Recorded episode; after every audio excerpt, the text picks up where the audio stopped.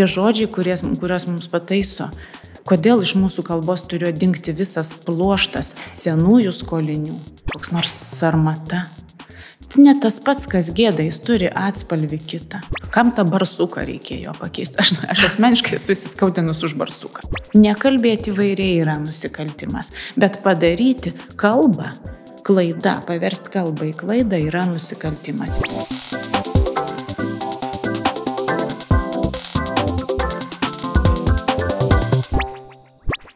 Gerą dieną, mėly žiūrovai, sveiki atvykę į šiandien redakcijoje. Ir šiandien mes turim, ko jis prumčia visi, aš nusprendžiau staupyti ant džinglo ir įdainuoti jį pats. Šiandien prie birutės rytos ir manęs prisijungia socialingvistė Vilniaus universiteto Lareta Vaicekauskinė. Ar aš gerai ištariu, ar ne? Aišku, kad ne. Na, aišku, kad ne. E, tai laba diena. Labadiena. Šiaip labai džiaugiamės Jūs matyti daug. Aš, aš labai iš pradžių nerimavau, nes nežinau, ką apie kalbą pasakyti, nes prastai kalbu, rašau ir visai kitaip galvoju, kad, kad man nesiseka su lietuvių kalba. Bet rytas su, su, su biurutė visą laiką man sakė, kad jūs esate kaip tik tas žmogus, kuris gina žmonės šnekančius žmogiškai arba taip kaip liaudyje kalba, ar tai tiesa ar ne? Aš gydau tokius žmonės. Labai reikalinga žmonės. Aš turiu kušetę. Jūs pas mane galite ant kušetės atsigulti psichoterapijos kabinete ir aš jūs pagydysiu. Sakysiu, kalbėkit ir socialinė lingvistika tinka, ir socija vietoj socijo tinka, nes mes matom sandūrą dviejų žodžių. Viskas yra įmanoma. Jokie, va, toks, va, ką mes vadinam kalbos riktu, nusakysim, apsirikai, tarsi liežuvis netaip nuvairavo. Dažniausiai yra labai labai aiški logika, kodėl.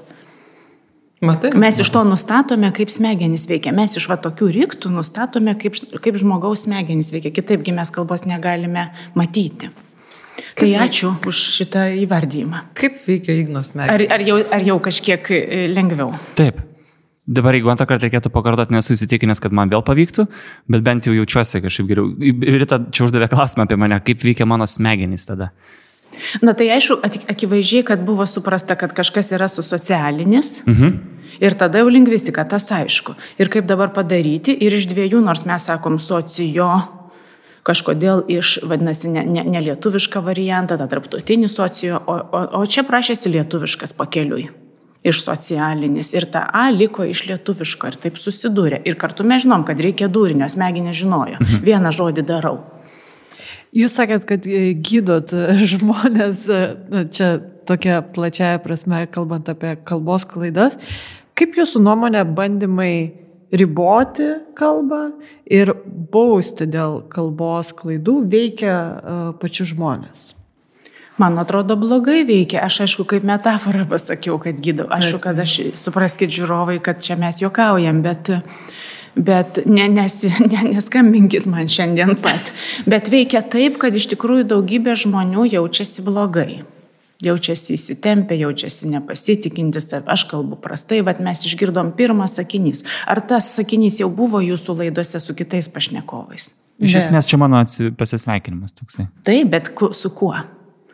Kai atėjo kažkas, kas veikiausiai yra autoritetas, ar ne, taip mes suprantam, kalbininkas yra autoritetas. Tai man atrodo, kad tai yra nesveika atmosfera lietuvių. Aš galiu tyrinėti, aš galiu klausy, galvoti, mąstyti apie tai, kodėl taip nutiko, bet faktas, kad tai yra nelabai sveika atmosfera, labai nesveika. O jūs veikia tas požiūris, jūs atsakote, atėjo kalbininkas į laidą ir iš karto kalbama kitaip. Ar jūs susidurėt su tuo, nu, nežinau, gyvenime, kad vat, jūs kaip kalbininkė žiūrima su tam tikra uh, baimė, nežinau, iš žmonių, kurie, pavyzdžiui, jūs gal netaip gerai pažįsta?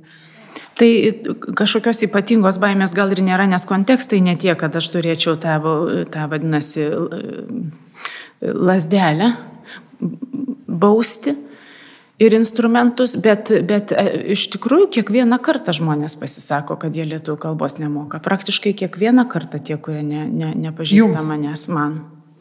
Už tai, kad reikia kaip ir atsiprašyti. Galbūt nėra baimės, bet tu turi deklaruoti tą savo nemokėjimą ir tada kaip ir toks čiurikas išeina, jeigu nėra iš tikrųjų tos baudos grėsmės ar kažko.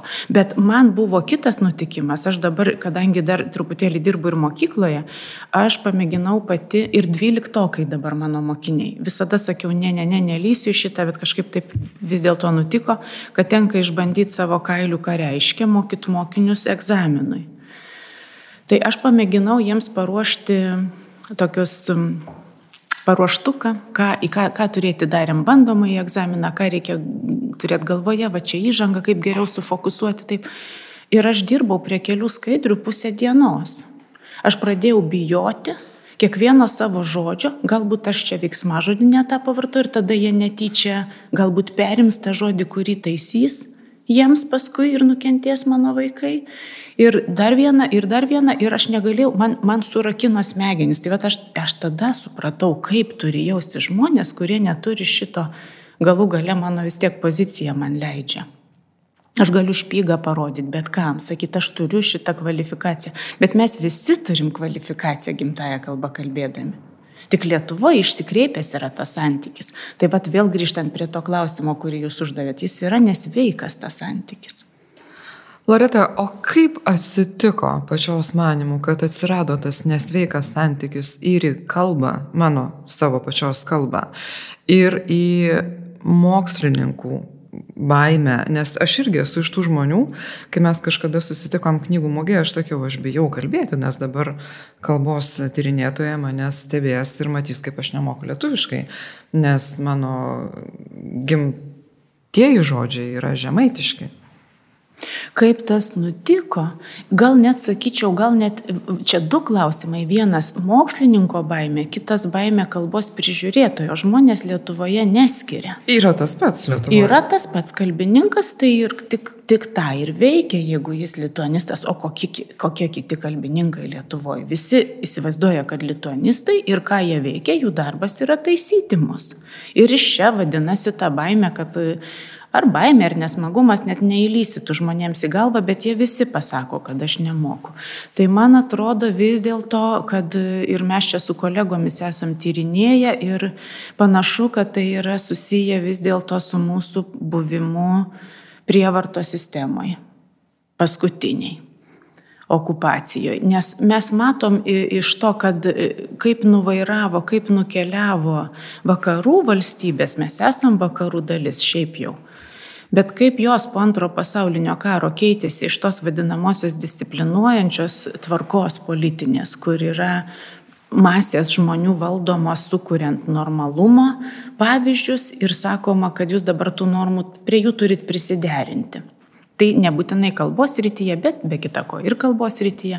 Bet tiesiog žmonės buvo disciplinuojami. Čia normalu, čia nenormalu. Tu esi nenormalus, jeigu tu neprisiderini prie tų normų. Po antro pasaulinio karo, nuo kokio 70-mečio, tai yra 60-ųjų, kaip negalima sakyti. Negalima o mes visada susipainiojam. Aš pasakau, nuo 70-mečio pusė žiūrovų pagalvojo, kad nuo 70 plus. Tai ne, čia viena, viena iš tų kvailų normų. Tai va, tai jie nu, perėjo prie visuomenės, kuri nebeužsijima norminimu žmonių, bet stebi. Tai yra nuo preskripcijos, nuo nurodymų, kaip tau elgtis, pereita prie stebėjimų, kaip žmonės elgesi. Ir tada, su, nes tai suprasta, kad žmogui gyventi taip, kaip jis elgesi, yra geriau. Ir normos tapo platesnės. Taigi mes dar čia turėjom individų teisės, žmogaus teisų dalykus, demokratijos išlaisvėjimo visuomenių ir taip toliau.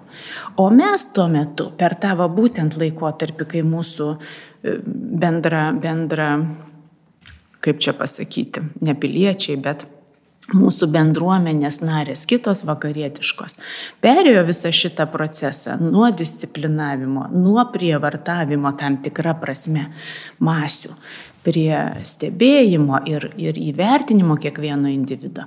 Mes priešingai totalitarizmui labai buvo autokratinėms visuomenėms, kokioje mes, kokioj mes gyvenom, buvo labai svarbu valdyti kontroliuojant ir toliau.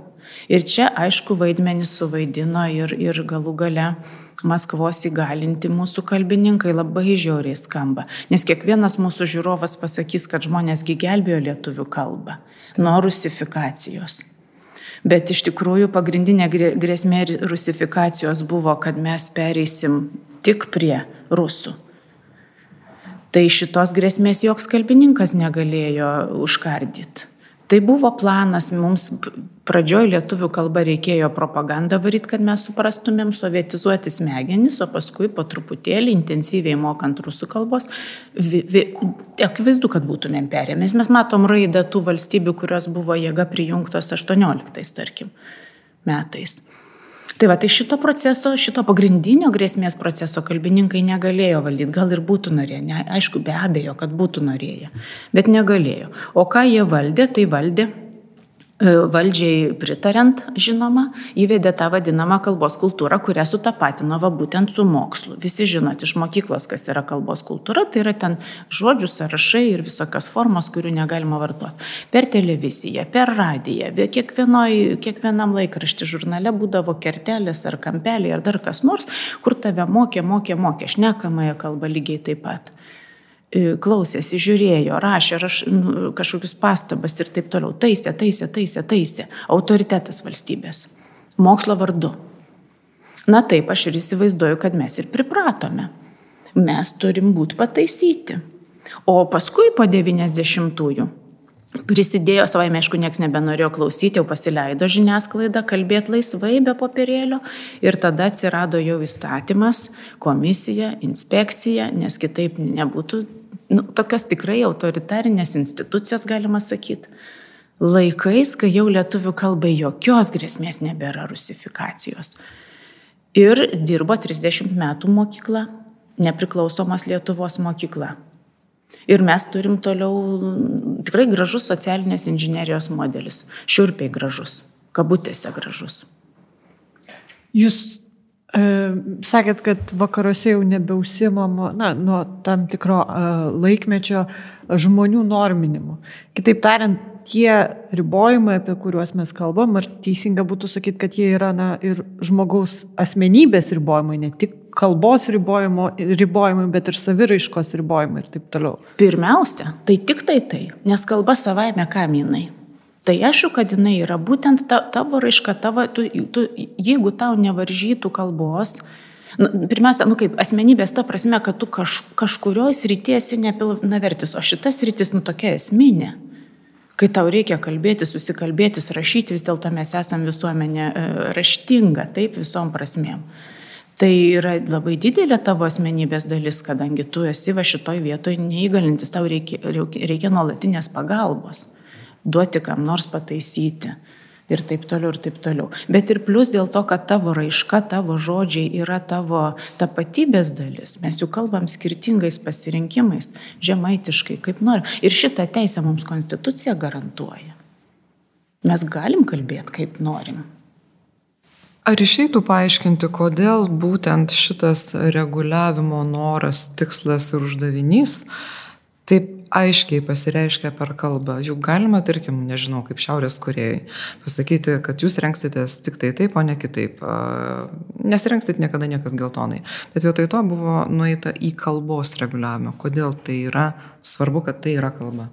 Man atrodo, ne, čia yra kompleksiška. Aišku, kad reguliuojama buvo viskas. O kalba buvo viena iš dalių. Ir šiandien net ir mūsų tapatybės raiškai kalba yra viena iš dalių. Tai bet, kita vertus, kodėl va, žmonės perėmė taip lengvai tą reguliavimą, pritarė, internalizavo tą gėdą, tą kaltę. Todėl, kad kalba juk ne politika. Mes juk nepainiojam kalbos su politika. Mes kultūros nepainiojam. Mes kultūros nepainiojam, kalba yra kultūros dalis šiuo atveju. Tai apie ką mes kalbam, mes nekalbam apie tai, kaip smegenys veikia. Šito žmonės nemasto, čia tiesiog mums duota iš gamtos. O, o viską, ką mes reguliuojam, yra kultūros kontrolė. Sovietmečiųgi buvo dar kaip. Tu mąstysi vienodai, tu niekada nebejosi, visi bus vieningi, o kas laikysis priešingos nuomonės bus priešas. Jiegi dar sugalvojo tos, ta prasme, įstatymus, kur tu kaltas be kalties, valstybės išdavikas ar negali būti, kur nėra nei valios nusikalsti, nėra nei supratimo, kodėl staiga va žmonės ūkininkai yra kalti, Ir va šitą panašų kažkokį sovietinį, va tokį va mechanizmą, kad tu kaltas už savo kalbą. Kalba yra nusikaltimas. Mes perėmėm šitą, Taip, šitą nes, faktą. Jeigu dabar vat, paskaitytume Facebooką, tai tikrai atrastume daug ir tokių, nu, tikrai protingų žmonių, kurie sako, nu, bet taip, negalima čia bet kaip kalbėti, išnyks tada ta kalba arba sumenks arba taip toliau, kad žmonės patys atrodo atsisako dalies to savo uh, laisvės. Tai čia todėl, kad vienas dalykas žmonės vietomis atsisako ir truputėlį kritiškiau pamastyti, yra patogu mąstyti. Čia irgi labai iš tikrųjų paaiškinama kognityviai, yra patogu mąstyti klišėmis. Tau, tam tikri stereotipai, tam tikros gatavos formuluotės padeda susidoroti su tuo sudėtingu pasauliu. Ir tu kartoji. Neliks kalbos komisijos O ir komisija padeda tau šitą prisiminti frazę - dings lietuvių kalba. Tai, tai todėl yra, todėl, kad žmonės, sakau, atsisako, atsisako pamastyti šito klausimu. Dar koks klausimas, bet dar truputėlį kažkuris vienas aspektas. Kad žmonės patys savo laisvės atsisako ir tos saviraiškos dalies, apie kurią jūs kalbėjote. Taip, jie sako, kad turi būti, turi būti taisyklinga, ar ne? Tai dar taip negalima. Kad, taip, kad pavyzdžiui, negali. dabar buvo neseniai vienas atvejis, kai vienam verslininkui nuo baro lango liepia nuplėšti angliškus taip. pavadinimus, nes nu, anglų, anglų kalba negali būti. Ir žmonės rašė, kad taip, šaunuoliai kalbininkai, vėlgi, nu, reikia. Bet man atrodo, žinot kas, aš irgi, man atrodo, kad čia mes esam išdresuoti vis dėlto tos autokratinės, tos prievartinės sistemos. Mes iki šiol nesam tie laisvėjai europiečiai, kurie pripažįsta tą demokratinę individo E, valią, e, kaip čia pasakyti, teisę, laisvės prieš kolektyvinę. Juk tikroji senoji demokratija veikia tuo sutarimu, kad individas kiekvienas yra laisvas žmogus spręsti ir atsakingas savaime suprantama, bet jis kiekvienas išmano, sugeba pasirūpinti savimi. Tai yra sugeba šiuo atveju prisimti atsakomybę už savo, nu, jeigu, tarkime, pakabinta iškaba ir jis turi teisę. Mums gali nepatikti labai smarkiai, bet jis turi teisę kaip individas. Jis nepadarė niekam nieko blogo. Kalbos prižiūrėtojai sakytų, kaip tai nepadarė. Taigi kalbai padarė, išstumė kokį nors gražų lietuvišką žodį, tuo anglišku pavadinimu. Na, net jeigu lystumėm į šitą tokį nelabai padorų argumentą, nes juk jie puikiai supranta, kad neišstumė, o kokįgi išstumė, daugiau daugiausia pridėjo. Ir tą pridėjo, ir tas pridėtas yra svetimas. Bet kaip lingvistas, jeigu yra profesionalus lingvistas, jeigu nemanipuliuoja žmonėm, tai tu turi pasakyti, bet taigi būna taip visą laiką kad mes visos kalbos yra mišinys įvairiausių kontaktų. Ir jeigu šiandien anglų kalba mūsų tyrimai rodo, jinai asocijuojama šiaip ar taip su tam tikrais elementais e, kažkokios pažangos arba profesionalumo arba tam tikro patrauklumo, jinai šiandien turi tą asociaciją. Ta asociacija verslininkas panaudoja. Na gerai, tada tu, tu, tau nepatinka, nei kitą barą. Tau taip labai nepatinka, protestuok prie to baro. Bet tu neturi teisės, valstybė neturėtų teisės reguliuoti žmonių kalbos šitą prasme.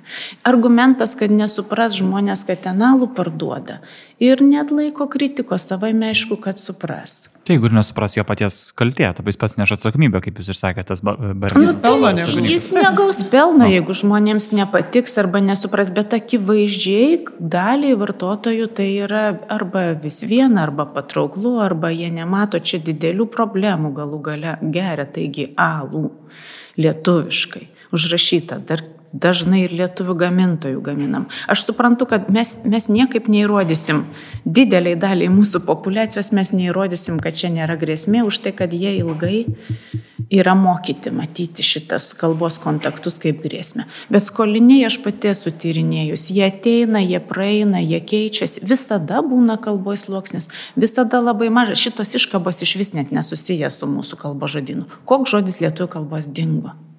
Būkit kritiškesni žiūrovai, paklauskit savęs, koks žodis pradingo atsiradus naujam terminui. Aludė galbūt pakeitė į pabas.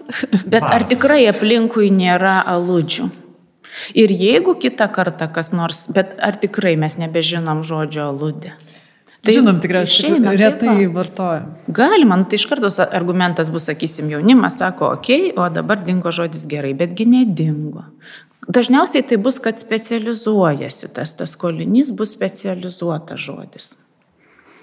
Bet mm, yra blogai, man atrodo, muštruoti žmonės, šitaip smarkiai reguliuoti yra blogai.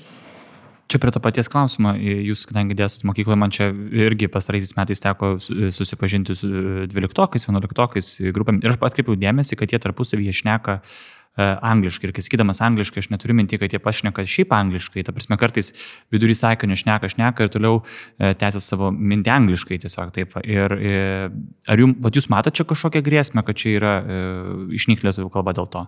Ar gal tie galbūt patys naudoja angliškai dėl to, kad na, pasaulis yra globalus ir jie tiesiog tam tikrus išsireiškimus yra išmokę angliškai ir lietuviškai Ar, neišeina jų padaryti. Arba bijo, kad lietuviškai pasakys kaip nors blogai Taip. ir gaus, nežinau, blogą pažymį ar kitokį vertinimą. Tarpusavį kalbėdami gal nebūtinai bijo, nes jie tarpusavį kalba, ten mokytojo šalia nėra. Kai yra mokytojo šalia, jie aišku kalba lietuviškai. Tai vėl, jeigu mes mąstytumėm kritiškai, ar jie lietuviškai nekalba iš viso, nemoka lietuvių kalbos tie vaikai? Moka, taip? Juos augino lietuviškai. Vienas jie moka dvi kalbas. Tai kol jie moka dvi kalbas, kol jie pasiryžę savo vaikus mokyti irgi lietuviškai, o dažniausiai būna taip, kad ir, tu, kad ir kokį tu jaunimo kodą esi susikūręs, paprastai tu vaikus savo gimtają taip, kaip tave augino augini. Bet čia negalime mes spėlioti. Tai lietuvių kalbai ir išnykimui čia tikrai nėra pavojaus, nes jie moka lietuviškai, tie vaikai. Mes galime mokėti, aš moku dar daugiau kalbų, ar tai yra pavojus, ar aš esu dabar vartotojas, kuris kelia pavojų lietuvių kalbai, todėl kad moku dar keletą kalbų. Sakyti, jeigu pasiklausytume kai kurių a, institucijų atstovų, tai jūs ne tai, kad pavojus, jūs avarija. Nes darbe man reikia kelių kalbų, aš paskaitas skaitau keliomis kalbomis. Ar tai pavojus lietuvių, lietuvių kalbai? Ne, tai yra papildomos kalbos, lygiai kaip skoliniai, tai yra papildomi resursai. Lietuvių kalba, bet kuri kalba išlieka tada, kai jinai lanksti, kai jinai, gali, kai jinai geras, puikus instrumentas tiek komunikacijai, tiek savo tapatybės raiškai. Tai šiuo atveju mokiniai ar įterpdami angliškų žodžių, mes visi jų įterpiam, arba pereina, pereidami ištisai prie anglų kalbos, jie signalizuoja tam tikrą savo tapatybę. Tai yra skaitmenos vaikai ir ypač, kai jie pereina prie anglų kalbos, dažnai tai bus, bus perimtos ištisos frazės, citatos, dalykai, kuriuos jie stebi YouTube'ose ar, nežinau, serialuose. Bet klausimas be galo įdomus ir aš manau, kad mūsų kultūrai tai yra iššūkis. Aš gal nesakyčiau pavojus, toks šabloninis žodis iššūkis. Bet mes turim galvoti labai labai rimtai apie tai, ką mūsų vaikai gauna patrauklaus medijose. Lietuviškai.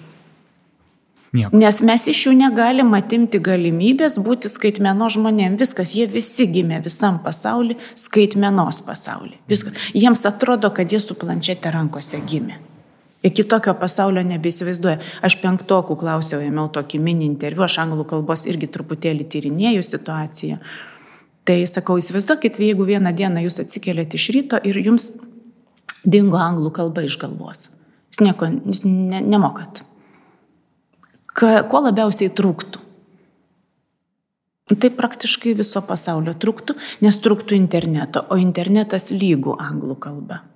Dar viena mergaitė pasakė, jaučiuosi kaip kokia, ir čia jau aš beveik priėmiau asmeniškai, kaip kokia sena, durna, ar senė, ar kažkas. Matot konfliktą iš karto. Jūs esate tie, mes esam šitie. Tas konfliktas spontaniškai iš jo pasakyti, bet jie tapatinasi. Aš jaunas žmogus, aš negaliu nemokėti angliškai, negaliu nevartoti medijų, negaliu necituoti iš tų medijų. Ir jeigu mokykla bent pasiūlytų medijas, studijas medijų, kaip sakysim skandinavai, kalba, literatūra, medijos, seniai įdėkta, nes supratom, mes turim profesionaliai mokyti. Ir dar lietuvių kalba, jeigu mobilizuotų kuriejus tų knygelių, kurias dabar mokiniai skaito, galų gale kitą kartą ar namuose vaikai. Galų gale gali būti verstinės, jeigu patys neprigaminam tokių patrauklių. Bet lietuviškai, animuotai, kažką dar padaryti. Duokit alternatyvą, kad, tos, kad tas pasaulis mūsų jaunų ir medijų nebūtų jų suprantamas tik angliškai, nes čia tikrai grėsmė kultūrai. Nu, ta prasme, kad lietuviška kultūra atrodo tik tai prievartinė, ta tik tai mokykloje, kurią gali vartoti, o ir mokykla labai patraukliai nemoka. Labai labai, prie, tiesą sakant, nepatraukliai yra mokykla. Vienas iš jūsų minėtų pavyzdžių, kuris man irgi prašosi būti vertinamas kaip tikroji grėsmė lietuvių kalbai, to pačiu kultūrai, tai yra ir tai, ką jūs paminėjot, kad mokiniai mokykloje yra rengiami egzaminui ir yra instrukcijos, kaip reikia rašyti per egzaminą. Aš skaičiau du kartus, nes negalėjau patikėti, įsivaizduoju, kiek kartų jūs turbūt skaitėte. Dabar jau bijau cituoti, nes vienoj pastraipoje galima nurodyti autorių, kitoj negalima, arba ten kažkaip priešingai. Kas čia yra? Čia yra kažkas nutikę baisaus, kaip ir su lietuvių kalbos norminimu, kur mes iš, įs, įsivėlė žmonės į kažkokį dirbtinio konstrukto kūrimą kalboje, išimdami žodžius, išrušiuodami žodžius, iškirčiuodami kitaip. Ir lygiai taip pat, sakysime, šiuo atveju žanrus, kuriuos mokiniams reikia dresuoti, aš vadinu tikrai. E, žanrus, užuot pasižiūrėję, kas yra, yra naudojama viešai, dabar tarkim spaudoj komentaras gali būti reikalingas žmogui, taip, žinutė vieš, vieša, kaip tas vadinasi, pranešimas spaudai, taip, kritiš, kriti, kritiškas komentaras, dalykinis tyriamasis tekstas Nu, laiškų gal ne taip, gal, o gali būti gal ir laiškai kažkokie. Nu, ta prasme, žanrai, kurie egzistuoja šiandien ir taip tie žanrai jau skaidosi, vis naujų atsiranda, bet vad kažkas tokio. O čia yra sukurtas dalykinis rašinys ir, da, ir, ir literatūros analizė Ir abiejų sąlygos visiškai identiškos, nes tu turi pasiremti keletų skliaustuose nurodytų autorių ir tada dirbtinai imta ir mėginta juos kažkaip tai išlogisuoti ir paaiškinti, kodėl jie yra du, kodėl vienas vadinasi kažkaip samprotavimas, kitas vadinasi literatūrinis. Ir iki tiek prisilogizavo, kad mano, vadinasi, patirties universitete dėstant dalykinę keliomis kalbomis šitą vadinamąjį dalykinį rašymą visiškai nepakanka. Aš nemoku, aš nemoku doktrinos. Ir, ir, ir kilo tokia milžiniška įtampa, mokiniai pradėjo sakyti, pasiklausinėję savo brolių seserų, kad čia tu negali sakyti aš, šitoj vietoj tu negali paminėti to. Ir aš tada atradau visą didžiulį šabakštyną nurodymų internete, video visokių mokymų. Jų nėra taip, kad jie būtų surašyti kažkurioje vietoje. Jie yra toksai žinojimas. Ir tada pradėjau klausinėti mokytojų. Mokytojas sako, aš dalyvauju tose komisijose taisymo tik tai tam, kad sužinočiau, ką taisyti, kaip. Ko negalima rašyti. Ko negalima kuriam sakinį ir perdočiau savo mokiniams.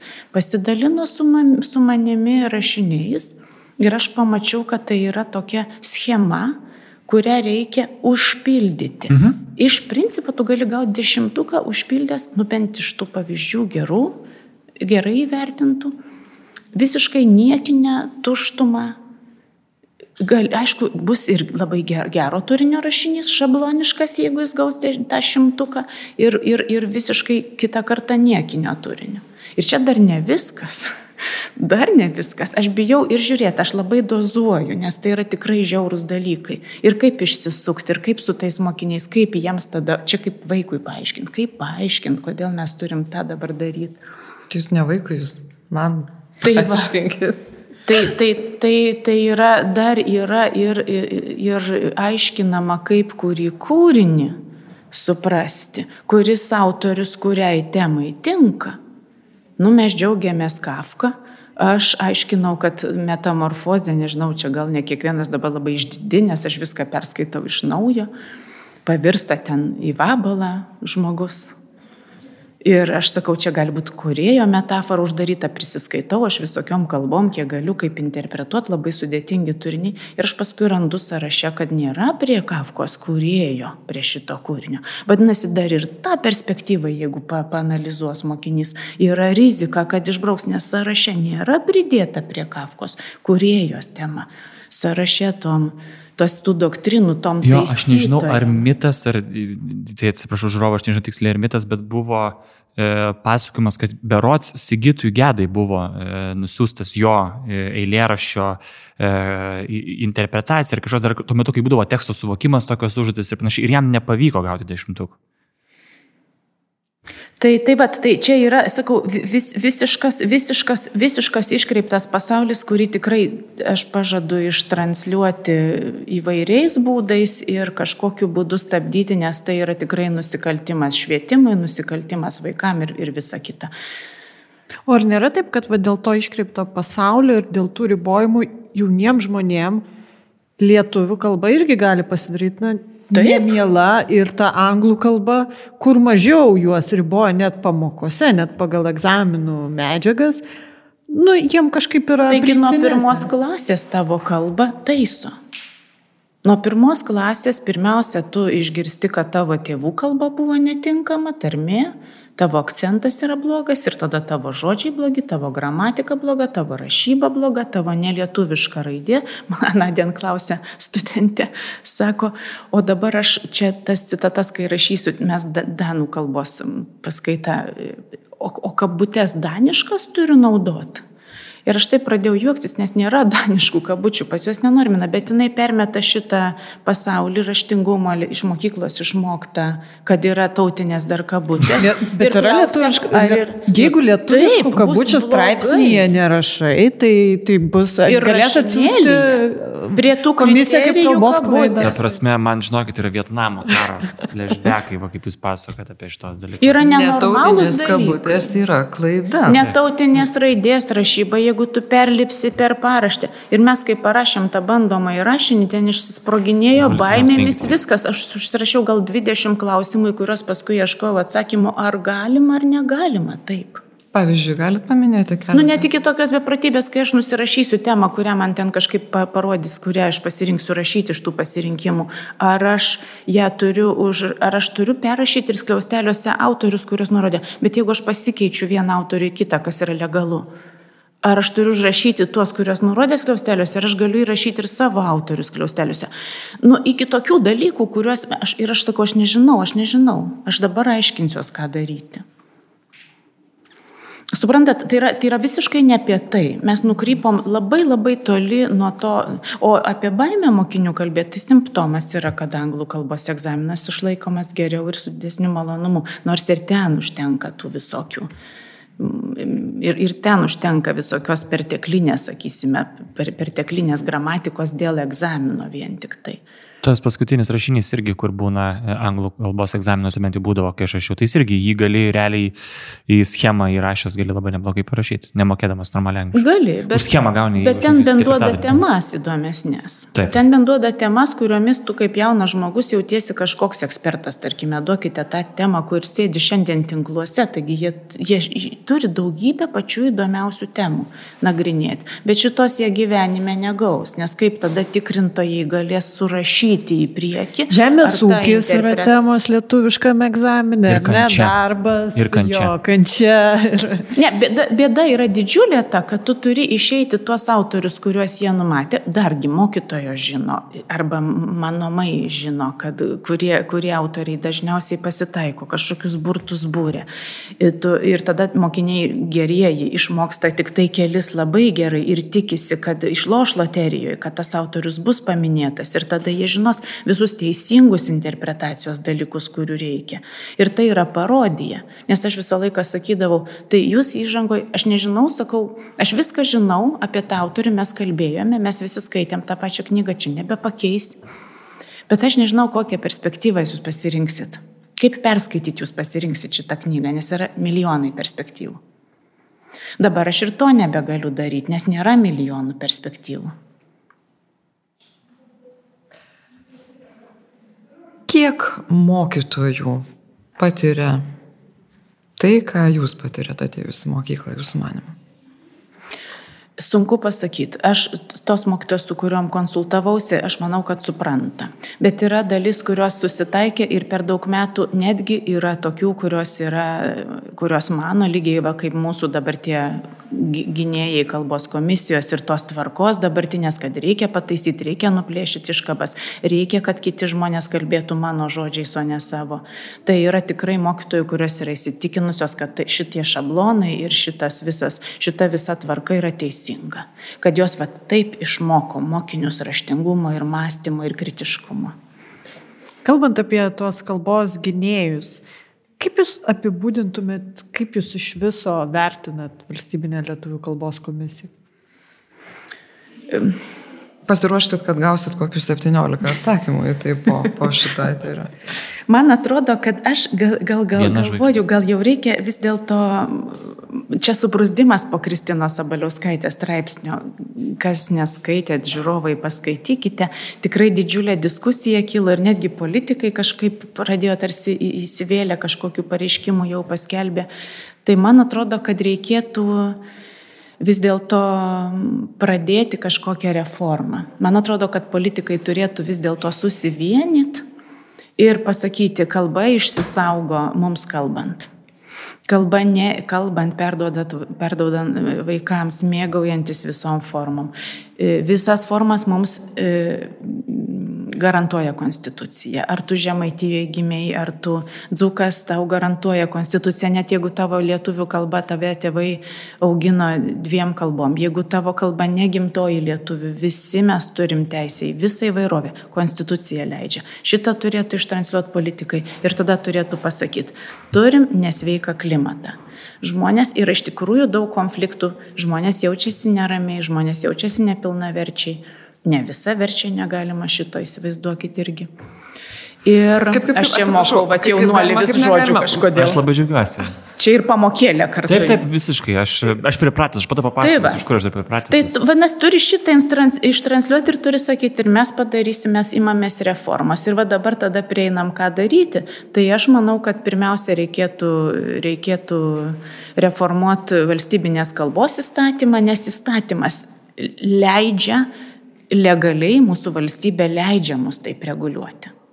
Tai turi būti reformuotas įstatymas, nežinau, žiūrinti kokias nors kitas tradicijas, niekur vakaruose tokių tradicijų nėra. Yra melas, kai sako, kad yra tas pats Islandijoje arba Prancūzijoje arba Britanijoje. Tikrai nėra. Jokios demokratijos neleistų šitaip žmonėm jaustis dėl savo kalbos. Tai vad, tai, tai reformuoti ta prasme, kad pavyzdžiui, garantuojant, sakysime, inspekcijos iš viso nereikia, šitaip neturi persekioti žmonių, nėra, perduok tą funkciją bendruomeniai, leisk žmonėm patiem tvarkytis. E, komisija tikrai labai reikalinga yra funkcija, sakysim, kalbos konsultacijų, bet jinai gali likti kokiam nors lietuvių kalbos institute, kuris ir tiekia normas kalbos komisijai. Iš esmės visas konsultacijų skirelis yra parengtas. Lietuvių kalbos instituto. Aš pati, kai tenai dirbau, mes turėjom, dalis mūsų pareigų būdavo kelt ragelį anksčiau ir atsakinėti žmonėms. Ką jau ten atsakinėsi, tolesnis darbas būtų. Tikrai galėtų dirbti va tą terapinę funkciją, nesijaudinkit, viskas gerai, šita forma irgi galima, čia jūsų tarmės forma. Jinai turi tą atspalvį ir taip toliau. Žodynas galėtų konsultuoti žmonės. Šitą funkciją būtinai reikia palikti. Taip išsisaugos ta grinoji, kurio žmonės tikrai labai nori, nori pasiklausti. Kultūros ministerijai perduoti galima būtų pačios tos komisijos kaip ekspertų Yragi komisija e, renkama keletui metų, gal penkeriems metams renkama, įvairios institucijos siūlo atstovus. Galėtų kultūros ministerijoje būti, būti tokia va komisija, kviečiama, galėtų ją būti traukti kaip kitur, sakysim, žurnalistai, mokytojai, Islandijoje imigrantai dalyvauja komisijoje, nes tie kalbos įstatymai skirti ir imigrantams, ir tautiniams mažumoms užtikrinti žmonių teisės ir galimybės. Niekada nebaudimui. Užtikrinti teisės ir galimybės. Mes turim perrašyti įstatymą, turime tas funkcijas, sakysim, padalinti, kurios yra reikalingos žmonėms tikrai už mokesčių mokėtojų pinigus, o visa kita tiesiog atsisveikinti. O kaip žiūrite, pavyzdžiui, tuos siūlymus, kurių Seime vis atsiranda ir pastaruoju metu pakankamai garsiai, kad įpareigoti migrantus per tam tikrą laiką išmokti lietuvių kalbą, pasisveikinti boltę tik lietuviškai arba ne tik pasisveikinti, ten negalėtum dirbti, jeigu negalėtum vairuoti, jeigu negalėtum, nekalbi lietuviškai ir taip toliau. Jeigu kalbėte čiurkų kalbą. Čiurkų kalbą norėčiau pasakyti. Tai, tai, man atrodo, ir čia mes esame tokie patys represyvūs, tokie patys vis nematantis, kad mes bendradarbiaujam su sovietiniu paveldu savo smegenys. Iš tikrųjų, mes jį pasiliekam savo norų. Ir šitą tikrai politikai turi. Mes turim desovietizuoti šitą sritį. Nors žmonės nepainioja kalbos su politika, mes turim labai aiškiai parodyti, šitas ateina iš tų laikų. O pasiūlykim, tie, kurie ketina likti, juk žmonės patys vėl mes atmetam individo sugebėjimą ir mokėjimą pasirūpinti pačiam savimi. Jeigu jie, dar turim suprast, karo pabėgėliai čia iš vis kita kategorija žmonių. Bet, bet bet koks imigrantas, jis yra, jeigu nori likti ir nori gauti geresnį darbą, jis tikrai žino, kad gero negaus nemokėdamas kalbos. Taip tik pati galbūt praščiausiai apmokama, apmokama arba sunku gana. Tai jis tikrai nori mokytis sudaryti sąlygas išmokti. Bet kalbos įstatymė galėtų būti, kad lietuvių teisė į lietuvių kalbą turi tie žmonės, kurie nori pas mus gyventi ir gali, preten, norėtų pretenduoti net ir galbūt pilietybę, sakysime, gauti arba bent gyventi ir dirbti. Sudaryti sąlygas, duoti patogius, sakysim, nuotolinius kursus, dabargi nėra taip, taip ir to. Ir Ir tą, tą erdvę savai mes suprantame, kodėl apskritai turi, net egzaminas yra kažkokia nesąmonė.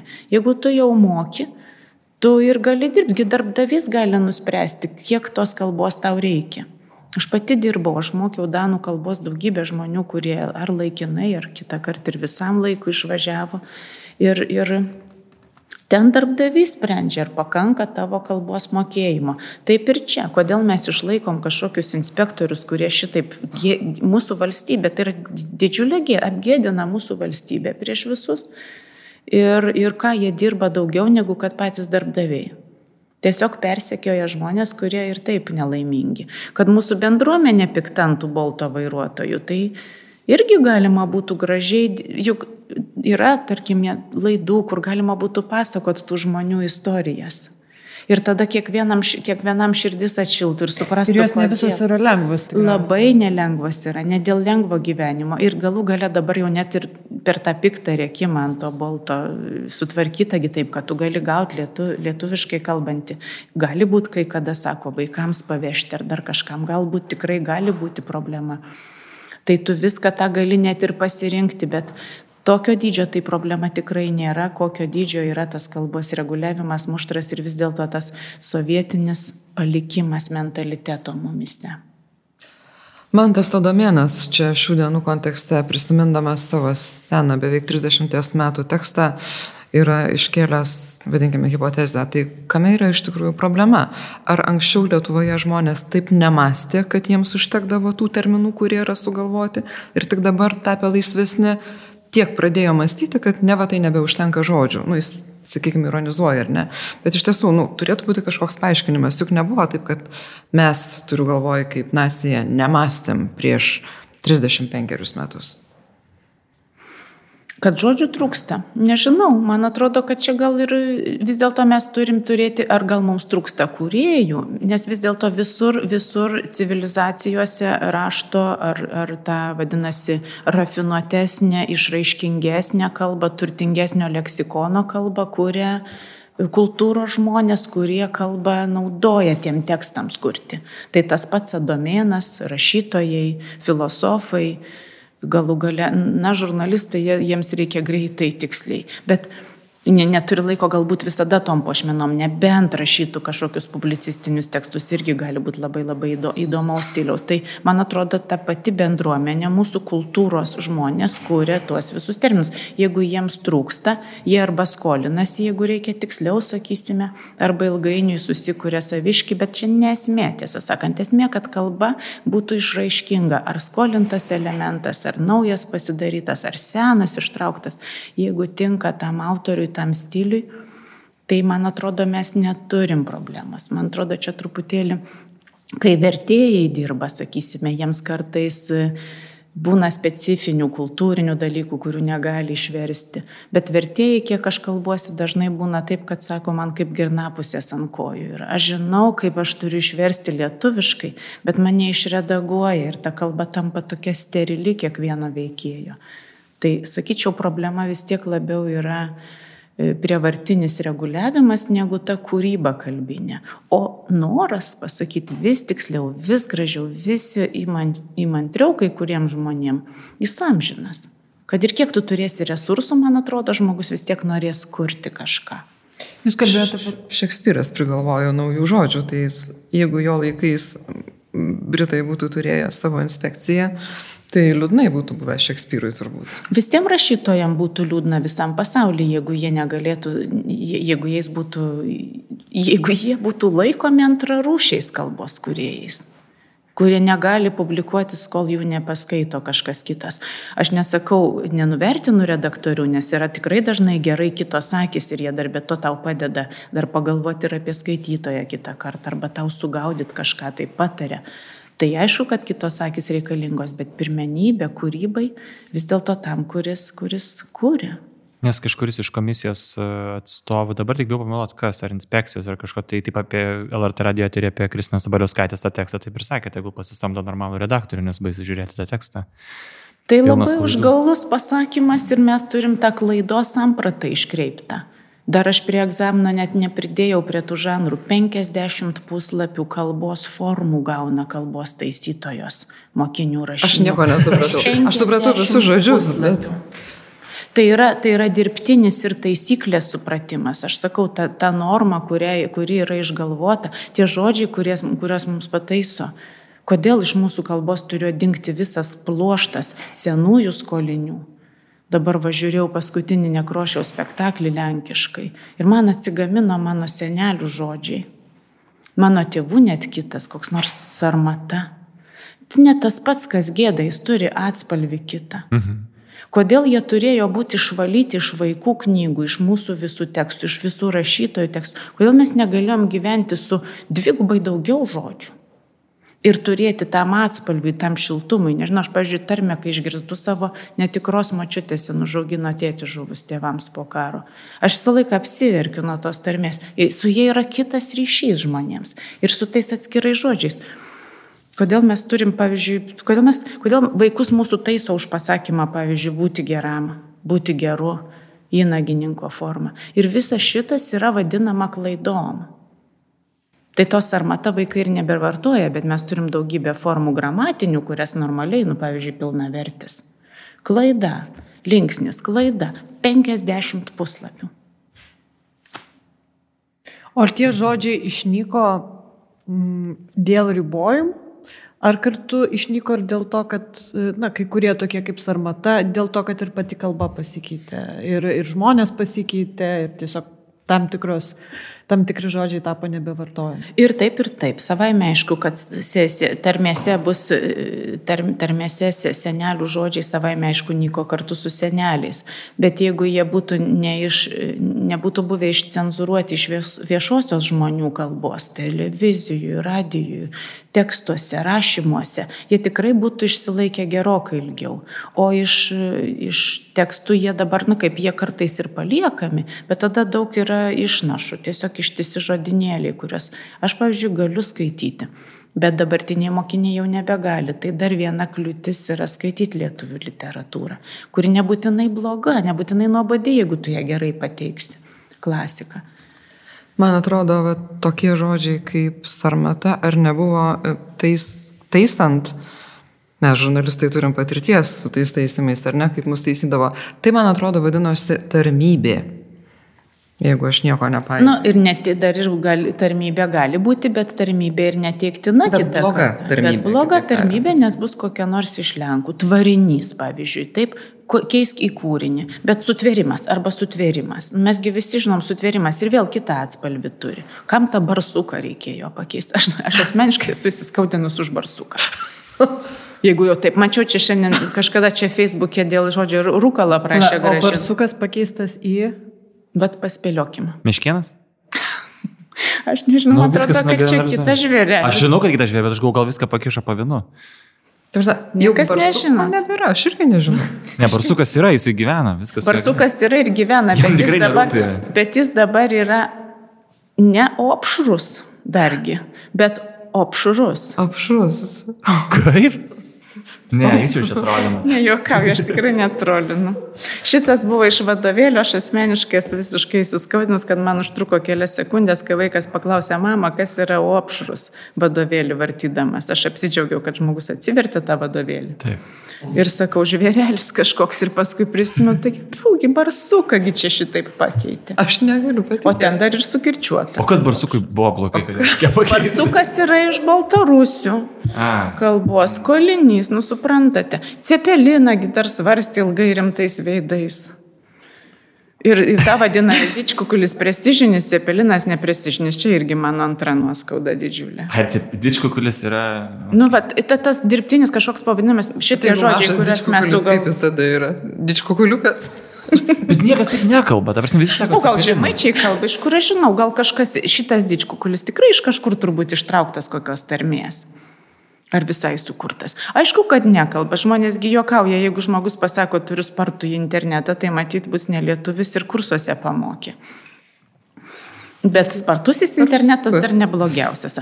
Bet aš tik noriu ką pasakyti. Aš noriu pasakyti, kad mes kiekvienas turim savo žodžių pluoštą dešimtis, šimtų žodžių, savo žodžių. Ir kiekvienas turbūt kovotumėm, net ir tas, kuris paskambinsi kokią laidą radiją ir pasakys, bet aš prieš, reikia lietuvių kalbą išsaugoti, reikia kalbėti grinais lietuviškai žodžiais, jis ko gero irgi turės kokį nors sarmatą. Sakys, šito nelieskit. Čia mano senelių. Bet reikia suprasti, kad net jeigu tau labai nepatinka, žmonės kalba skirtingai žodžiais. Šitas ir daro kalbą patvarę, šitas ir daro kalbą, kuria kalbos vadinasi funkcionalumą ir išlaiko kalbą. Tai, kad mes kiekvienas turime savo asmeninį santyki. Tu gali labai norėti, kad kiti žodžiai žmonės kalbėtų taip kaip tu. Bet tada išeina, kad tu nori, kad jie būtų tokie patys kaip tu. O jie yra kitokie. Jūs šiek tiek užsiminėte apie kitas valstybės. Man neteko girdėti, gal aš tiesiog klystu, nežinau, ne, negirdėjau, kad Junktinėse valstijose būtų kažkoks institutas saugantis, prižiūrintis kalbą ir baudžiantis. Ar Junktiniai karalystėje, kad būtų toksai dalykas, kuris, nu, VLKK iš esmės atitikmuo. Ne, tokių atitikmenų baudžiančių ir dabar sakys, mes niekada nieko nebaudžiam, mes jau seniai nieko ne, Bet didžiųjų kalbos klaidų sąrašas, už kurį buvo skiriamos realiai bausmės ir žiniasklaidai, prisimenu, buvo siuntinėjami raštai, tai jis netaip jau baisiai seniai panaikintas. Taip, už tai, kad nebet laikė visuomenės spaudimo, todėl aš ir sakau, politikai gal jau šiandien tas laikas yra. Nes jau visuomenė vis dėlto pradėjo susip, susiprasti, kad kaip čia dabar, kodėl turėtumėt jūs mus bausti už kalbą. Kalba nėra nusikaltimas. Ir jį panaikino. Tai tikro. Ir kas nutiko? Dingo lietuvių kalba. Ir gyvenam kaip gyvenę. Bet kiekvieną kartą, kai tik tai iškyla grėsmė kalbos komisijai, labai jokinga, bet tuo metu visada paskleidžiamas šita dūmų uždanga. Išnyks.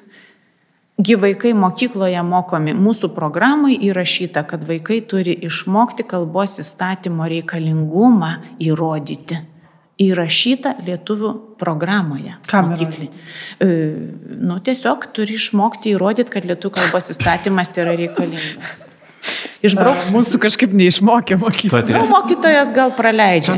Raudonas ant pečių su anosinė neišėjo. Tai va, tai, tai, tai žmonės jau po truputėlį bunda ir mes matom, taigi ir tą anūką galiausiai, ir tą cepeliną, nu dabar nuiminė, nuiminė ir sako, gerai, dabar galima bus dvi, galima bus dvi. Taigi nebereikia šitos funkcijos, viskas pasileiskit, atsiprašykit, išeikit ir viskas kaip buvo galima, taip ir bus galima. Gerai, o ar yra toks dalykas kaip e, kalbos etalonas tada ir kuris turėtų būti taikomas? Atskirai nėra, mes kiekvienas turime supratimą. Ir mes kiekvienas savo turime vaizdinį. Vienam reikės vienokio žodžio parodyti, irgi visas pluoštas, tarkime, tam tikrų vertėjų arba tam tikrų vat, kultūros žmonių, aš matau, kokius žodžius jie vartoja tarpusavį ir aiškiai matau, kad čia susikūręs tam tikras stilius, kurį tik, ma- nematydama žmogaus, iš, išimkit vardą, aš pasakysiu, ką tas žmogus veikia, mūsų labai maža bendruomenė kuo jis užsima, humanitaras ir dar kokios srities yra. Tai va ir yra. Jeigu kam nors jie yra autoritetas savo mokiniams, studentam, aišku, perims galbūt. tą stilių. O kitas galbūt kursi savo. YouTuberių vieną normą, LRT kita galbūt, bet ir tai nuo žurnalistų priklauso. Tas ir grožis yra. Kiek mes leisim individui reikštis savo kalbą, tiek tų etalonų ir bus. Aš prisimenu, kad Ignas pasako vieną istoriją, ruošiantis mums šitam pokalbiui apie LRT. Aš, jo, aš turiu tokį klausimą. Tu, tu, Turim tokį vieną individą su savo. Ar jūs, ar jūs e, manot, kad, nes aš girdėjau, kad vienas iš tokių pasakymų, tai jeigu mes nieko nebaudžiam, kaip gynasi komisijos laikas, mes nieko nebaudžiam, kalbėkit kaip norit, na, bet yra vis tiek tie tokie, vat, LRT e, laidų vedėjai, nu, jie turi kalbėti normaliai arba taisyklingai. Jie turi kalbėti normaliai. Aš, aš po to papasakosiu tą istoriją, visi supras, kad aš nemoku kalbėti normaliai. Tai vėl mes užstrigę esam 19-20 vidurio disciplinavimo, normalizavimo tvarkoje kurios nebeturi niekas. Dabar yra sakoma taip, ne, nejudink visur vakaruose, BBC tas etalonas, įvairūs akcentai, specialiai regioninius akcentus, nes yra suprasta, kad, žmonės, kad žmonėms kalba, jų akcentas, gimtoji kalba yra tarmė, dar vis daugeliu žmonių. Jų akcentas yra labai labai reikšminga jų tapatybės dalis. Jeigu tu ją judinsi, tu sujudinsi kažką esmingą žmogui ir plus, jam yra labai sudėtinga kartais. Mąstyti, kalbėti greitai, pasirinkti, ten dar galvoti, kuris blogas, kuris geras žodis. Nejudink. Va šitas yra daroma tikrai jau labai seniai demokratinėse visuomenėse. O po 90-ų net ir į mokyklą atėjus lingvistika, mokytojus apmoko. Nejudink, leisk pirmokėliams apskritai, duok įsivažiuoti raštingumą su jų kalba. Tegul rašo kaip nori, net gramatika gali būti tarminė. Tai va, tai ką mes kalbėjom, blogai, mes negalime, ne, negalim sakyti, kad LRT staiga dabar bus čia, čia pagal labai labai seną įsivaizdavimą kad LRT kažkokia išimtinė institucija, kur dirba kažkokie robotai ir jie gali vadinasi visiškai vienodai. Ir čia visiems labai įdomu, kad tas kiekvienas žurnalistas bespalvis. Ne, Aš tai visiškai pritariu ir iš, iš jų perspektyvos daugeliu irgi tas nėra labai priimtina. Aš, aš istorija, apie kurią Rita e, su Birutė čia užsiminė, buvo toks nutikimas, dabar bijau pameluoti prieš kiek čia metų, bet visai daug. Bet jau buvo lyg lyg ir ten vos ne metai ar metais prieš panaikinti tos didžiosios baudos už didžiasias lietuvių kalbos klaidas. Ir vieną dieną e, į LRT elektroninį paštą gavo visi uh, tokias analizės, turbūt reikėtų pasakyti, kurias padarė toks kalbininkas. Stebėsena, stebėsena. Aldonas Pupkis toks e, yra, buvo kalbininkas, nežinau. E, ir jisai, žodžiu, tam parašė laišką e, visiems, kad jisai dabar čia atliko stebėseną LRT eterio ir iš esmės situacija yra tragedija. Yra keli padoriai dar nu, kalbantys žurnalistai. Nekeli Bet jo atveju buvo, nu taip, du ten buvo įvardinti. Tai buvo a, su visa daroma pagarba Baistė Plaipaitė ir Vykintas Pugačiauskas. A, visi kiti darote klaidų ir taip toliau ir vardais pavardėm tos klaidos buvo išrašytos. Kažkokios. Tai. ir tada buvo pabaiga laiško. Bet, šitie, bet šitie žmonės, kurie mokėsi institute, dar jos pamoko kažkokių pagrindų kalbos, jie turi pagarbos ir taip toliau. Bet tada ateina visokie šitų kitų institutų absolventai, ir nemoka kalbėti, nemoka nieko daryti ir tiesiog daro gėdą visuomeniniam transliuotojui ir tam buvo prirašyta, tūkst... nu, ta prasme, buvo vienas lapas, vis, du lapai visam LRT ir vienas lapas dviem žmonėm. Tie žmonės buvo e, aš ir Karolis Kaupinis Ir, ir, ir mes su juo buvom iš esmės na, beraščiai. Ir tas buvo pakabinta dar lentoj LRT ir visi gavo. Nu, ten, bet ten vienas žmogus padarė, tada čia žurnalistam irgi visiems atrodo jokingas tas dalykas ir tos klaidos niekas nekreipė dėmesio, bet aš atsimenu, kad man tai buvo liūdna, kad aš iš tikrųjų esu, dėl to aš ir jūs atsiprašiau iš karto, nes aš, nu, aš ne, ir ryta čia mane taiso, kad penkias sekundės, aš nemoku kalbėti. To toks ateina jausmas, kad... Aš... Ignai, kalbėti. kalbėti. Ir, ir ten buvo, kad mes, o tos klaidos yra iš esmės tokios, aš nežinau, ar jos labai baisios, nu galbūt baisios, bet pavyzdžiui, tarkim, kad tu pasakai netyčia greitai skaitydamas arba kalbėdamas Sirijoje. Sprogimai Sirijoje, bet turėtų būti Sirijoje. Neturėtų. Nu, tai vad vėl dar kartelį. Argi neina suprasti, kur yra Sirija disciplinavimo tada? visuomenės sampratoje, kurios kitur nebėra. Yra norma ir yra nenormalu. O iš tikrųjų normalu yra ir norma yra tai, kaip žmonės ir kalba. Tai jeigu žmonės sutrumpina skaitydami, priežastis mes galime, net neturim ieškoti priežasčių. Neprivalom net priežasčių ir paaiškinimų ieškoti. Normalu yra tai, kaip yra daroma. Nu, kai, kokį duot jums pavyzdį? Cepelino. Duot pavyzdį. Duokis.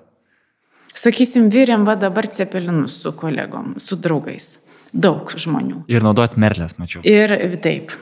Tai dar ir, ir, Ir instrumentai. Bet, bet mes susikovėme dėl receptūrų. Tai dabar kuris cepelinų receptas bus normalus?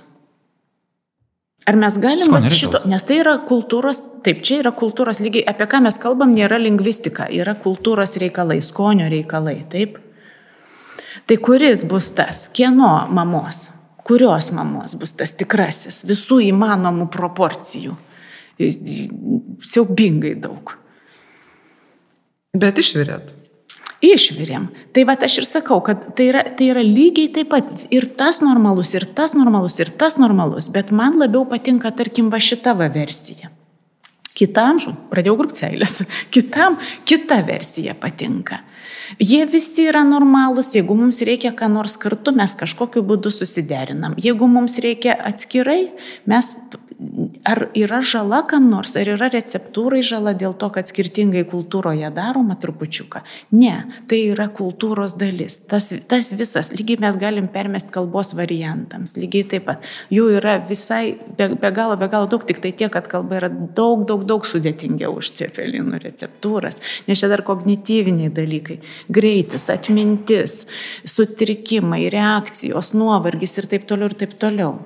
Be galo sunkus dalykai, bet visa, visa ta įvairovė yra normali, taisyklinga lietuvių kalba. Iš jos išimti didžiąją dalį ir pasakyti tai yra klaida, yra nusikaltimas. Nekalbėti vairiai yra nusikaltimas, bet padaryti kalbą klaida, paversti kalbą į klaidą yra nusikaltimas. Ir va šitą turi tvarkyti mūsų politikai. Bet tai jau Greitai, pakankamai- nes mes priejom prie tokios krizės, kad tikrai nebeįmanoma. Tai yra pakankamai ger, giliai įėję žmonėm, net ir jauniems žmonėm į, į, į, į, į, į nežinau, galvą, į pasąmonę. Taip, nes tu esi taip galvoji, kad ir iš esmės yra teisingas atsakymas ir jeigu tu nemoki, uh, tarkim, aš turiu kitą pavyzdį iš LRT. Uh, Pirmą kartą, kai e, dar labam ryte skaičiau spaudą prieš 10 metų, e, man atėjo vienas, viena jauna žurnalistė ir tiesiog padavė e, raštelį, kurį jinai susirašė ir pasakė, mokykis jaunuolė, nes kitaip čia dirbti negalės. Ir ten buvo tiesiog... Buvo teisė, ne? Jo, teisa. e, užtruko šešis metus, bet vis tiek. E, ten buvo kirčiavimo klaidos. Tai čia dar tos žodžius, ar anksčiau kaip ir mokyklai būdavo, ar tos žodžius ten kažkokius dar galiu iškalti. Bet jau su kirčiavimu ir kaip Tai yra kinta. tikrai Tai yra- didžiulė. tai yra- Dabar jie sako, mes nuėmėm baudas, mes nieko nebebaudžiam, tai persimetė, persekiot vadinasi egzaminą, kas laikė, kas nelaikė ukrainiečius, bet jau lietuvių mes nebebaudžiam, nebėra didžiųjų kalbos klaidų. Tai žmonės yra nubausti nežinau kiekai metų. Dabar reikėtų pasileisti ir pradėti didžiulę kampaniją tos terapijos. Aš tikrai labai rimtai sakau. Visi kirčiai, visi akcentai, visi žodžiai, viskas yra taisyklinga, kas yra lietuvių kalbos vartotojų kalboje pagal faktą. Geriau, kaip Jūs galvojate, ar tie žmonės iš kalbos komisijos ir taip toliau, kuris sakot, kad reikėtų pasileisti ir prie terapiją, ar jie tai daro ir darė tą vat, persikiojimą ir baudimą iš tikėjimo, kad tai yra gerai? Ar tai buvo iš tokio, kad aš turiu darbą tiesiog ir, ir esu reikalingas? O jeigu ne, nedarysiu to, tai niekam manęs nebereikės ir nežinos, ką veikti gyvenime. Tikėjimas savo paties darbo prasmingumu galėjo būti, jeigu kūriau tas normas, jeigu ilgai sėdėjau ir aiškinau, čia prestižas, čia ne šitas skirtis šalutinis, šitas gretutinis, šitas negalima, šitas klaida. Jeigu tu da, darai tuos burtus, tai aišku, tau atsiranda tikėjimas. Ir buvo matyti tikėjimas, kad šitaip sukurti kalbą yra teisingas variantas, šitaip aš ją padarau kažkokią gryną. Na, nepažįstant lingvistikos, galbūt neturint prieigos prie to, kas vyksta lingvistikoje kitur. Taip nutiko. Aš manau, kad tikrai galėjo būti toks idealistinis tikėjimas, kad taip yra gražiau. Tarkim, išvalyti tą kalbą, jokio skolinio nevartoti dirbtinai sugalvoti čia didelė, čia mažesnė klaida, čia mažiausia klaida. Nėra tam svertų objektyvių ir mokslinių.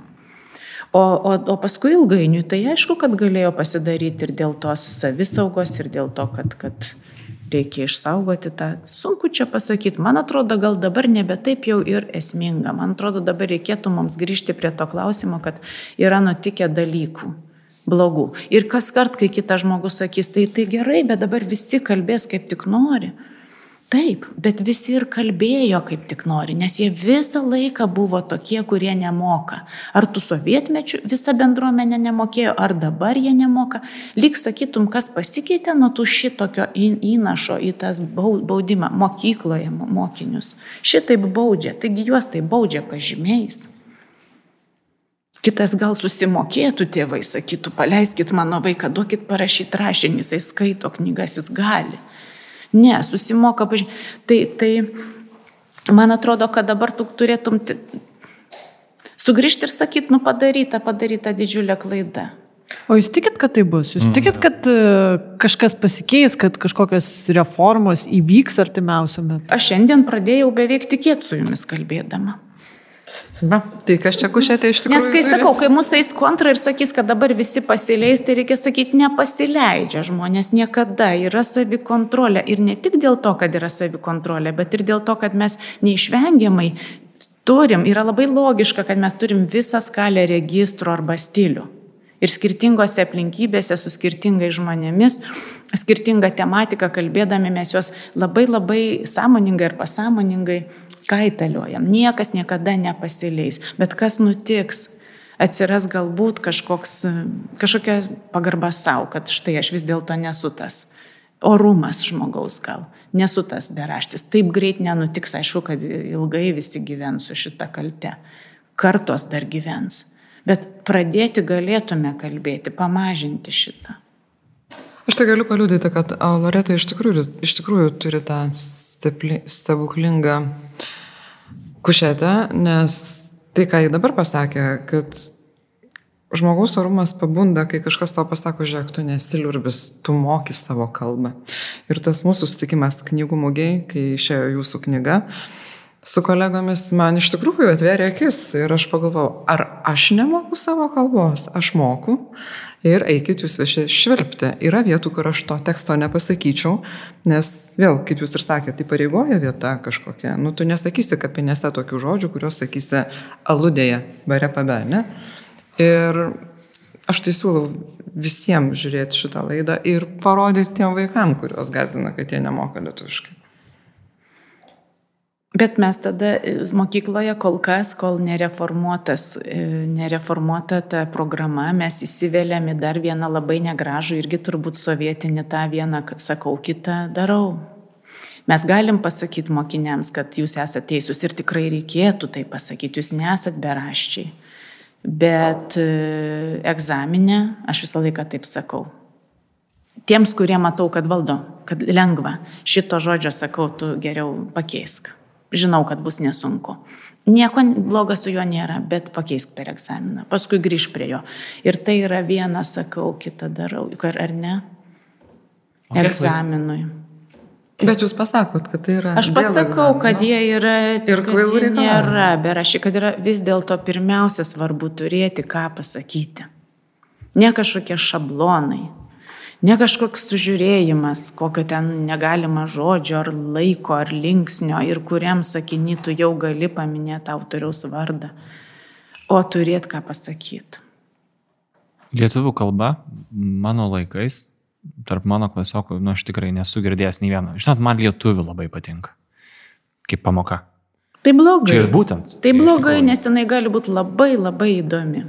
Ir Kiek man maždaug idealiuoju atveju jūs įsivaizduojat, kiek va, šiaip e, psichologiškai, apskritai kultūriškai, tai pakistų tas mąstymas, e, kada lietuvių kalba nebe, nebebūtų baisi, nebebūtų gėda, nebebūtų nuobodi ir taip toliau panašiai, kad tu nebebijotum savo kalbos, kaip sako, tu suprastum, kad tu moki ir viskas, ką tu darai, yra gerai. Nes išmokti bausti prie to, tai tu greit pripranti, nes aš vakai padirbau biškel ar taip pat eidavau tėvus ir taisydavau kirčiavimo, nes galvojau, kad aš saugau juos iš esmės, tikrai nuoširdžiai. Prasme, esu lietuvių kalbos sergėtojas. Bet čia nesąmonė. Kiek užtruktų laiko, kol apsiverstų tas ir kad žmonės suprastų, kad kaip aš noriu. Kiek, kiek reikia atsitikti? Tas išmokti bausti ir tas išmokti bausti yra kažkoks viršenybės momentas. Taip, aš galios. jau žinau galios momentas, o galios mes visi norėtumėm turėti. Tai įgalinkim per tai, kad tu moki. Vis tiek visi vienas kitą taisys, kaip su tais cepelinais Kai tik susirinksit, bus kam nors, kuris nors žodis nepatiks, negražus, netinkamas, nu ką tu čia dabar prie vaikų, arba į eterį, arba dar kažką. Kaip su tais cepelinais. Bet tai bus lygiai vertė kova. Mes turėsime, kaip man kolegos kitur užsienį sako, pas jūs yra monopolis. Pas jūs net neduoda mokykloje mokiniams sakyti, kaip nėra šito žodžio, mano tėvai jį sako, čia mano žodis. Čia net šansų nėra, kad mokinys galėtų tai pasakyti, o reikia taip pradėti. O laiko aš neįsivaizduoju, nes yra didžiulė inercija. Ir vis dėlto mokytojų matome dabar, kai jie lyg ir kažkiek palengvino programą, paerdvino programą, pasirinkimo leido daugiau mokytojams. Bet prasidėjo iškart, kur man vadovėlis, kur mano šablonai. Tai aš manau, kad reikės labai labai daug laiko arba reikia labai labai mobilizuotis ir sukurti gerą medžiagą, geras platformas, vėl pasižiūrėjusiu pačius geriausius. Aš manau, kad mes tikrai turim pajėgumą, bet reikia labai labai stiprios politinės valios. Ačiū labai. Prieš tai kažkaip truputį geriau buvo. Grįžtam prie ko nors tokio geresnio. Barsuko. Barsukas. Barsuko. E, tie silis ramybėje barsukas. E, ačiū. Ne, eisim žadint barsuko. Eisim žadint. Gerai, tai tu. Ko... Laisvė barsukams. Tai. Tvarkoj. Gerai, ačiū labai Jums, Loreta. Ačiū labai visiems žiūrėjusiems ir iki. Iki. Ačiū Jums.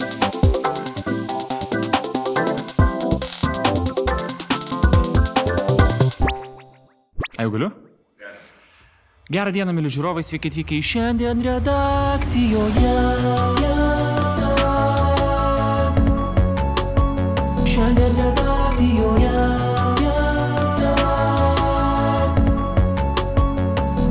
Ir šiandien mes turim.